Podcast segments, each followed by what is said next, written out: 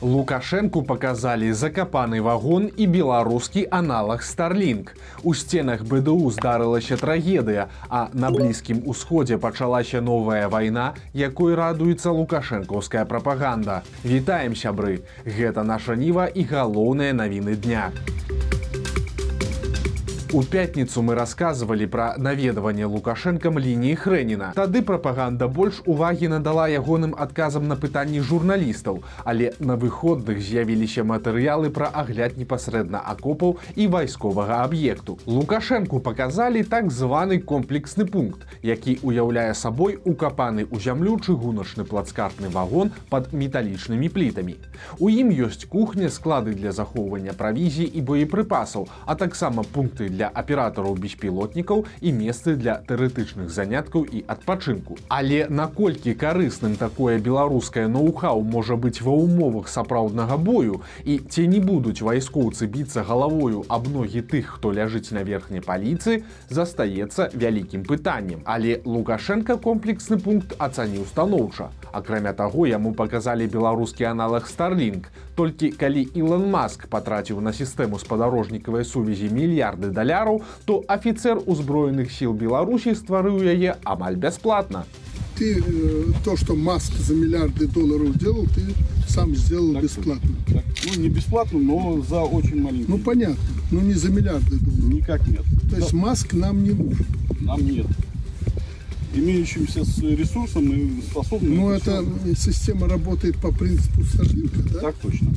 Значит, э, возможности по предоставлению услуг связи здесь, э, помимо всего, предоставляется удаленный доступ к сети интернет. Чтобы было простыми словами, где-то в Минске точка доступа интернет. Она транслируется через э, станцию спутниковой связи, выходит сюда и три, через э, роутер Wi-Fi раздает этот интернет. Трагедыя здарылася на гістфаку БДУ. Як стала вядома нашай ніве каля тыдня таму у корпусе гістарычнага факультэта універсітэта загінуў грамадзянин адной з еўрапейскіх краін. Па інфармацыі сведкаў мужчына хацеў скінуцца з даху іншага будынка, але дзверы туды былі зачыненыя. Тады ён пабачыў корпус на вуліцы Мендзялеева і змог туды трапіць без праблем. У выніку замежнік скокнуў з акна адчыненага кабінета на чацвёртым паверсе. Пасля трагедыі ён яшчэ быў жывы жывы, але пазней памёр у шпіталі. Раніцай у суботу сёмага кастрычніка рух Хамас, які кантралюе сектар газа, атакаваў Ізраіль. Групоўка выпусціла па гарадах тысячы ракет, а ўзброеныя баевікі прабілі праходы ў пагранічнай сцяне і праніклі ў населеныя пункты і на вайсковыя аб'екты. Баевікі расстрэльвалі людзей і бралі закладнікаў. Асабліва шмат ахвяр сярод моладзі, якая удзельнічала ў музычным фестывалі пад адкрытым небам. На гэтым месцы знайшлі ўжо 260 целаў, прычым людзі там былі з розных краін краін. Невядомы лёс і аднаго беларуса, які працаваў там ахоўнікам. Афіцыйна Ізраіль абвясціў, што краіна знаходзіцца ў стане вайны. Кабінет краіны прагаласаваў за ўвядзенне ўдзеяння пункта 40 алев закона аб урадзе, а гэта значыць абвясціў вайну. Баявыя дзеянні працягваюцца трэці дзень. Сутыкненні адбываюцца ў многіх гарадах і кібуцах на граніцы сектарам газа. Таксама у цахаль заявілі, што вярнулі ўсе населеныя пункты, куды ўвайшоў Хамас пад свой кантроль, але там могуць заставацца баевікі. Ізраіль мабілізаваў каля 300 тысяч рэзервістаў для контртэрарыстычнай аперацыі жалезныя мячы ў сектары газа. Гэта найбольшая колькасць вайскоўцаў у гісторыі ўзброеных сіл гэтай краіны. Цахаль заявіў, што мэтай аперацыі стане поўнае знішчэнне Хамас і блакада сектара газа. Па стане на ранак сённяшняга дня было вядома пра больш чым 800 загінулых у Ізраілі і каля дзвюх з паловай тысяч пацярпелых. Сярод іх і двое грамадзян Беларусі.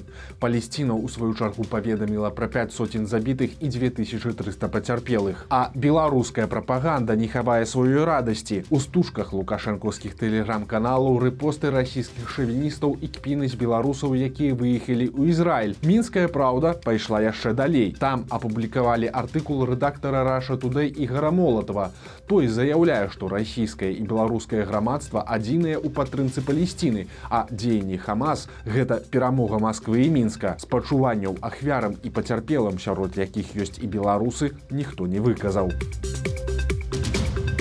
У прыцэл сілавых структур трапіў яшчэ адзін лукашэнкаўскі бізнесмен удачы. Нашай ніве стала вядома пра арышты людзей, набліжаных да Мікалая вераб'я. У бізнес-супольнасці гэта ўспрымаюць як спробы падабрацца да мільянера, які некалі быў набліжаны да лукашэнкі, але чый палітычны актыў пасля расійскага ўварвання ва ўкраіну упаў амаль да нуля. Сам верабей пакуль знаходзіцца на свабодзе, але па словах нашых суразмоўцаў ягоныя сувязі беларускім уладам больш не патрэбныя.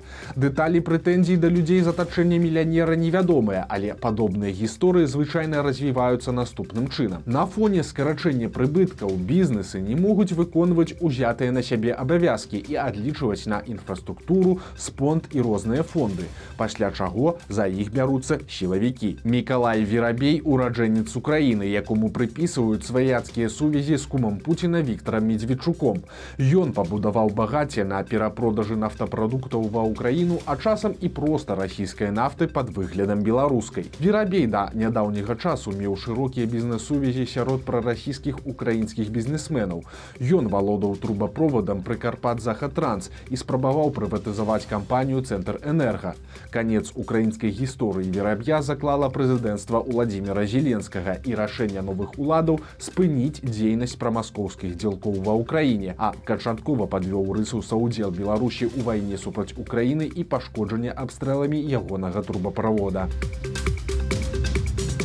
сталі вядомыя падрабязнасці выбуху на чыгунцы под мінскам. Нагадаем што ночу ў пятніцу на станцыі азарышша адбыўся выбух. Як паведаміла супольна з чыгуначнікаў беларусі выбух сапраўды быў і быў даволі магутным. Тым не менш асабліва сур'ёзных пашкоджанняў інфраструктуры не адбылося бо галоўныя каляіны не былі пашкоджаныя. У пятніцу сілавікі былі ў будынку управлення беларускай чыгункі і цэнтра кіравання перавозкамі і апытывалі работнікаў.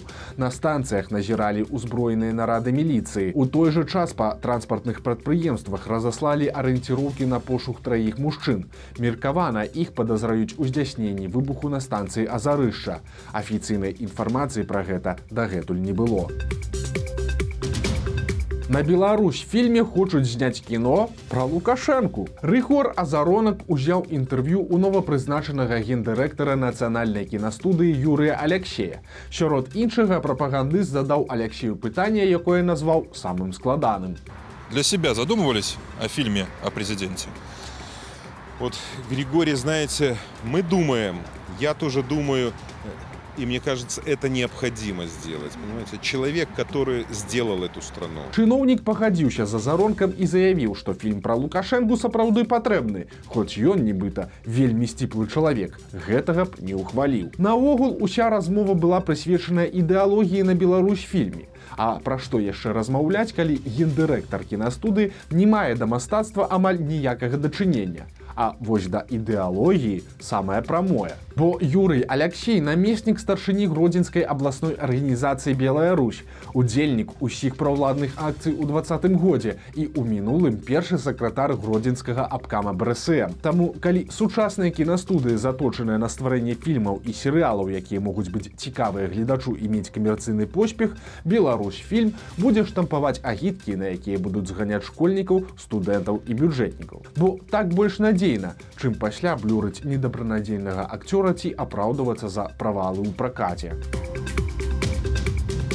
гродзенскага сабора зніклі два абразы з ахвярамі бальшавіцкага тэрору. Здарылася гэта не без удзелу сумна вядомыя актывісткі Вольгі Бондаравай. У 2006 годзе у пакроўскім кафедральным саборы размясцілі 8 абразоў са святымі, якія пацярпелі ў двадцатым стагоддзе ад бальшавіцкага рэжыму, а таксама іх катамі, чырвонаармейцамі і чэкістамі. Цяпер, як піша тэлеграм-канал хрысціянская візія, дзве з васьмі ікон зніклі. Гэта выявы свяшчэннамучанікаў Уладзіміра і Веньяміна Леніна закатаваных 100 гадоў таму. Абразы ў пакроўскім храме раздражнялі мясцовую ўладу і прарасійскіх актывістаў. Былому архіепіскапу Артемію удавалася адбівацца ад нападак лукашэнкаўцаў і інфаказачак, але цяперашняе кіраўніцтва праваслаўнай царквы аказалася менш прынцыповым.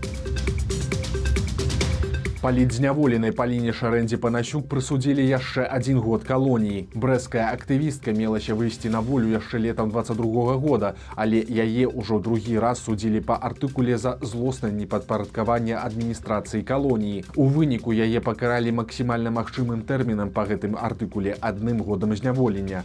У апошнім слове Шарэнда Панасюк параўнала падзеі два года ў Беларусі з паўстаннем кастуся каліноўскага. Паводле палідзняволеныя людзі, якія ахвяруюць сабой дзеля незалежнасці і дэмакратыі, будуць названыя ў новай Беларусі героямі, а тых, хто іх цяпер катуе, чакае суд. Кот, які прачытаў навіны. У інтэрнэце вірусіцца фота ката, якога ўратавалі на пажары ў адным з амерыканскіх штатаў. Выглядае ён вось так.